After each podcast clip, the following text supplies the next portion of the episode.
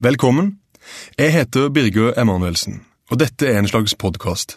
Den følger tongutgivelse av Lydbokforlaget i samarbeid med Tiden Norsk Forlag. I løpet av ti episoder over ti dager kan du få høre min nyeste roman Anna og kjærligheten. Fra 11. mai kan du også kjøpe boka overalt hvor bøker selges. Den vil da være tilgjengelig som e-bok, papirbok og lydbok. Lydboka er også tilgjengelig på lydbokforlaget.no. Men nok om det, her er første episode av Anna og kjærligheten, og det er forfatteren selv som leser. Spør du din far om det eldste yrket, blir han blyg og taus. Går du til din mor, forteller hun med stolthet. Hennes svar er selvsagt. Det nevnes allerede i Bibelens første åndedrag.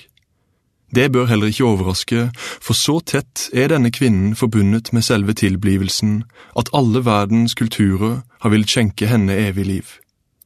Derfor synger hun til oss fra sagn og myter, fresker og hulemalerier. Hun nevnes i selskap med konger og krigsherrer, med diktere og oppdagere. Alle verdens herskere har nærma seg henne slik de alle har nærma seg døden. De har bedt og trygla henne inn til sine mest private værelser, for neste dag ville brenne henne som en heks på bålet. Det er kanskje sant som det blir sagt, at det var bøndene og arbeidsfolket som danna menneskelenken vi trakk bøttene opp av brønnen med, at det var dem som lot oss drikke. Spør du din mor, vet hun det likevel.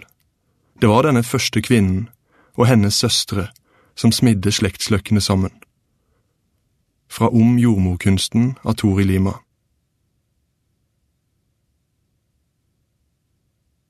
Del 1 Vannet ville rense henne. Huden over fingrene, neglene, alt det som stadig var i berøring med de velbrukte instrumentene, med kollegene og pasientene, alle deres små, ubetenksomme bevegelser. Anna lot vannet flomme kaldt før hun stengte krana og gikk ut i døråpningen. Over fødestuen lyste det fremdeles rødt. Snart ville det blinke, og da skulle hun gå ned i gangen, forbi det grønne og gule blomstermønsteret i plastduken, forbi oppslagstavlen med alle sine råd, inn den tunge døren. På stua skulle det fødes atter et barn. Moren, fortsatt i redsel over hva kroppen hennes hadde gjennomlevd, ville bryte ut i varme tårer idet hun fikk et ferdig menneske lagt over det oppjagede brystet. Faren, som allerede hadde reist seg fra den røde lenestolen i hjørnet, så tett inntil radiatoren at han flere ganger hadde lagt hånden over rillene for å prøve å ane hva konen hans opplevde, ville gripe henne og si noe som bekreftet det som nettopp hadde skjedd. Anna kunne fremdeles la seg bevege av det. Livets jordbundne begynnelse ble ingen rutine, slik døden kunne. Hun klødde seg over håndbaken.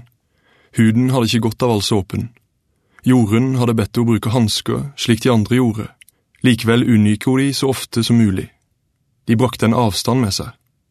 Etter at hun hadde lært hvor god en berøring kunne være, hvor mye varme som kunne overføres fra ett menneske til et annet bare gjennom utsiden, virka det umulig å skulle trekke på seg en beskyttende hinne. Har du hørt noe? Anna rista på hodet, snudde seg ikke. Ida kom opp på siden av henne. De ringer nok etter deg snart, sa hun. De ble stående og stirre på det røde lyset over døren. Det er tvillinger. Denne gangen nikket Anna. Men faren er ikke med, fortsatte Ida. Han rakk det ikke. Nei vel. Anna snudde seg mot henne. Tvillinger kan komme tidlig, sa hun. Ida ble stille. Hun tok et steg ut i gangen, kikka først til høyre, deretter til venstre, mot den gamle røykebalkongen. Da hun trådte tilbake i døråpninga, og de ble stående ved siden av hverandre, sa hun. Men kan du tenke deg det, å skulle føde aleine? Anna smilte. Du må huske at jeg er litt eldre enn deg, sa hun. Jeg mente det ikke sånn, sa Ida raskt. En varm følelse kom over Anna. Hun ville si at det ikke gjorde noe, at enhver måtte leve i sin egen tid, men det ville blitt for mye. Det var ikke nødvendig å legge gjær i disse tankene. Malvin visste ikke engang at fødselen var i gang, sa hun i stedet. Den røde lampen lyste fortsatt mot dem. Med forventning nå, slo det henne. Dessuten er hun ikke aleine. Nei da, begynte Ida sukka og gikk tilbake inn på pauserommet. Jeg setter på litt vann. Ja takk, sa Anna, og denne gangen passa hun på å snu seg og smile. Ida stilte seg ved vannkokeren, satte håret opp i en hestehale, og Anna kunne se det avlange gjenskinnet fra taklyset i de store øynene hennes. Du står ikke der og syns synd på meg? Ida rista først på hodet, den lille hestehalen logra bak henne. Samtidig knep hun leppene igjen. Nei, men kjære deg, sa Anna og snudde seg tilbake mot gangen. Ikke én dag kunne gå uten at de minnet henne på det. Det ble stille, bare bruset fra det stadig varmere vannet fylte rommet. Snart glapp den lille hendelen opp, og hun kunne høre skapdørene bli åpna, én etter én. Ida var på hils med ledelsen allerede den første uka, men fortsatt hadde hun ikke lært seg hvor teposene lå. Igjen kjente Anna kløen fra hånden. Hun stakk den i lomma. Når den først fantes, var medlidenheten umulig å rømme fra. Jeg tenkte på hvordan det var for deg, sa Ida, da hun igjen var på plass ved siden av henne. Anna tok imot den varme drikken, rista på hodet og holdt kruset inn mot magen. Det som begynte som et kjærtegn, tok snart til å svi innenfor det tykke stoffet. Hun burde sikkert være takknemlig. Likevel ville hun bort fra den omsorgen, fra disse vakre, triste øynene. Hver gang noen mente de kunne begripe hva det var, dette som nå en gang var hennes liv, forsvant det for Anna selv. Alle som sa de forsto hva som hadde hendt henne, forsto det med sine følelser og ord, med sitt eget indre. Og i all denne forståelsen, i alt Anna måtte godta, mista hun litt etter litt den hun var. Anna pekte mot lampen uten å snu seg, kjente hvordan lyset i gangen stakk i øynene. Nå har de holdt på lenge, sa hun. Ida kremta ned fra tekoppen som om hun hadde gjemt seg der i det varme vannet. Jorunn vet hva hun driver med, sa hun. Anna nikka. Er det ingen andre i natt? Er det kom et ungt par til vakta rett før du gikk på, men jeg sendte de hjem igjen. Hun hadde knapt åpning, var bare redd, tror jeg. Men det kan være de kommer tilbake, for jeg sa det var plass til henne om hun ville de gå over. Anna sukka. Vi skal jo ikke si det lenger. Ida ble bratt i nakken. Sier hvem? spurte hun. Anna hever øyenbrynene, men Ida ga seg ikke. Av og til kan jeg merke at du er eldre enn meg, altså. Den der enorme respekten du har for Gerd. Det handler ikke om respekt, begynte Anna, men hun følte seg sliten, orka ikke fortsette. Jo, avbrøt Ida. Bare fordi hun er avdelingsleder, så må vi gjøre akkurat som hun sier. Det var sånn da vi ble bedt om å gå ekstra helger også. Det var ingen andre som sa et ord. Om Anna kjente seg ensom, handla det ikke om hvor mange som var i berøring med utsiden hennes. Nei, hun drømte om å møte noen som kjempa seg forbi den utsida, som trengte seg gjennom, for så å være til stede der inne hvor hun sjøl var og levde, dit verken stemmer eller negler rakk. Sier du det? sa hun til slutt. Ja, sa Ida. Ja ja, gjentok hun og tok en stor slurk. Dere vet vel best, dere unge. Ida lo igjen, litt oppgitt denne gangen. Nei, men det er ikke sånn at vi skal sluke alt, sa hun. Nei da, svarte Anne. Det er faktisk vi som kan denne jobben. Det var hun i det minste enig i. Hun likte egentlig denne siden av Ida, at hun kunne la seg engasjere av den minste ting og at kroppen hennes aldri klarte å skjule det. Kanskje kunne hun si at hun satte pris på den jobben Ida hadde gjort, for det gjorde hun. Det var Ida som hadde krevd flere heltidsstillinger og satt seg ned med Gerd og ledelsen da arbeidspresset var i ferd med å slite ut en del av de yngre, de som ikke visste hvordan de skulle spare seg sjøl og tida godt nok. Det var likevel et tveegga sverd, for det var nå engang slik at denne jobben var for dem som likte å arbeide. Du måtte lære deg å si nei, men du måtte også lære deg å si ja. Ja, det ordner vi. Ja, det løser vi. Ja, kjære deg, han overlever. Hun så på Ida igjen. Hjertet hennes var umulig å mislike. Likevel skulle hun ønske at det brant like sterkt for arbeidet de faktisk måtte gjøre. Når de unge først kom, trodde de alt handla om å redde liv som ellers ville gå tapt. Det kunne ta år før det gikk opp for de at det betydningsfulle like gjerne kunne ligge et annet sted, i de små oppgavene som først ble kalt rutiner. For mye mening som lå gjemt i arbeidet de trodde de allerede kunne.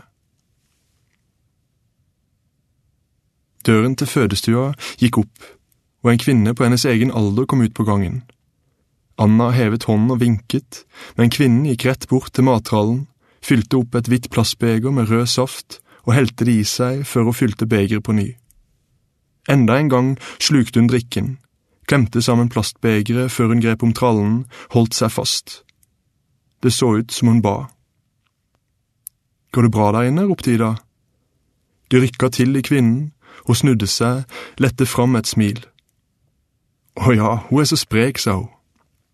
Ansiktet hennes var blekt og tungt. Men det tar sin tid.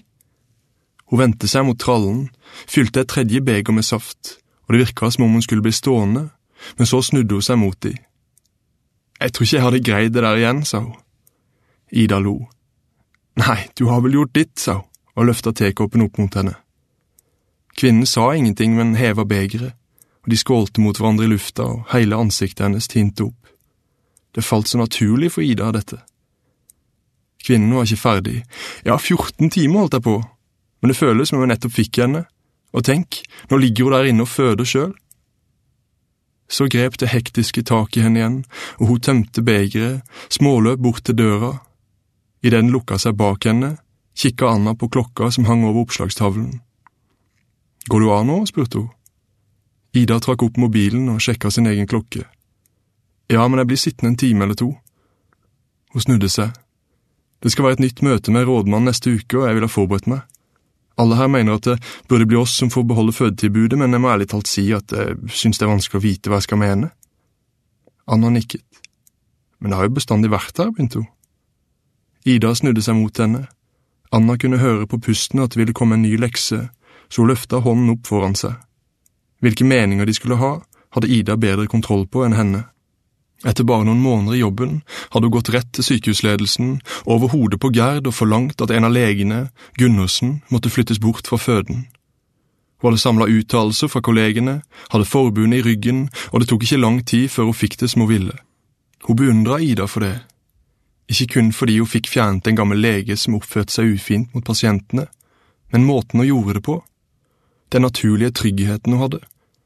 Hun var så sikker i alt, og i møte med den sikkerheten tok Anna seg i å savne noe hun sjøl aldri hadde hatt, men som hun først nå, dette siste året, hadde oppdaga at hun mangla. Kanskje var det mot? Det der blir vel etter min tid uansett, sa hun. Ida snudde seg bort, pusten roa seg. Si ikke det, sa hun. Du skal se at du må stå i det til du stuper. Anna lo. Det hadde ikke vært meg imot. Ida la en hånd på skulderen hennes så godt det gjorde å bli rørt ved. Det tror jeg deg på, sa hun, før hun snudde seg og gikk tilbake inn på pauserommet. Anna lente seg mot dørlisten, kjente hvor tung kroppen var. Hun titta ned i kruset. En mørk buljongaktig væske hadde samla seg rundt posen, og hun lukka øynene, helte den kalde, stramme drikken i seg. Hun skulle til å gå for å sette koppen på benken da hun hørte et leven løsne ut i gangen. Det var de elektriske dørene som ble åpna, men ikke slik de skulle. Nei, noen pressa mekanismen opp, nærmest brøt seg inn. Hun ville rope på Ida, men nysgjerrigheten grep henne så hun bøyde seg fram fra døråpninga og kikka nedover korridoren. En ung mann med åpen jakke kom løpende. Hun fikk knapt tid til å tenke før han sto foran henne. Elisabeth, Elisabeth Sand, hvor ligger hun? Anna stivna. Hun klarte ikke å se annet enn at munnen hans bevega seg, ansiktet han bar på, hvor, hvor mye han ligna på noen. Hallo, sa han, og ennå ropte han ikke, men snakka raskt, uforståelig. Kan du hjelpe meg? Hun føder, det er kona mi.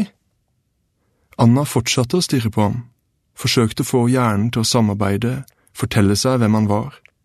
Den unge mannen tok et steg fram, veiva hånden foran ansiktet hennes. Hallo, hun føder, gjentok han men Anna svarte fremdeles ikke, fikk det ikke til å henge sammen. Kjenner du noen her? spurte hun i stedet, og idet hun så hvordan øynene hans smalna, at hele han var i ferd med å spisse seg, brøt en stemme gjennom skodden i hodet hennes. Vi trodde ikke du kom, sa Ida raskt.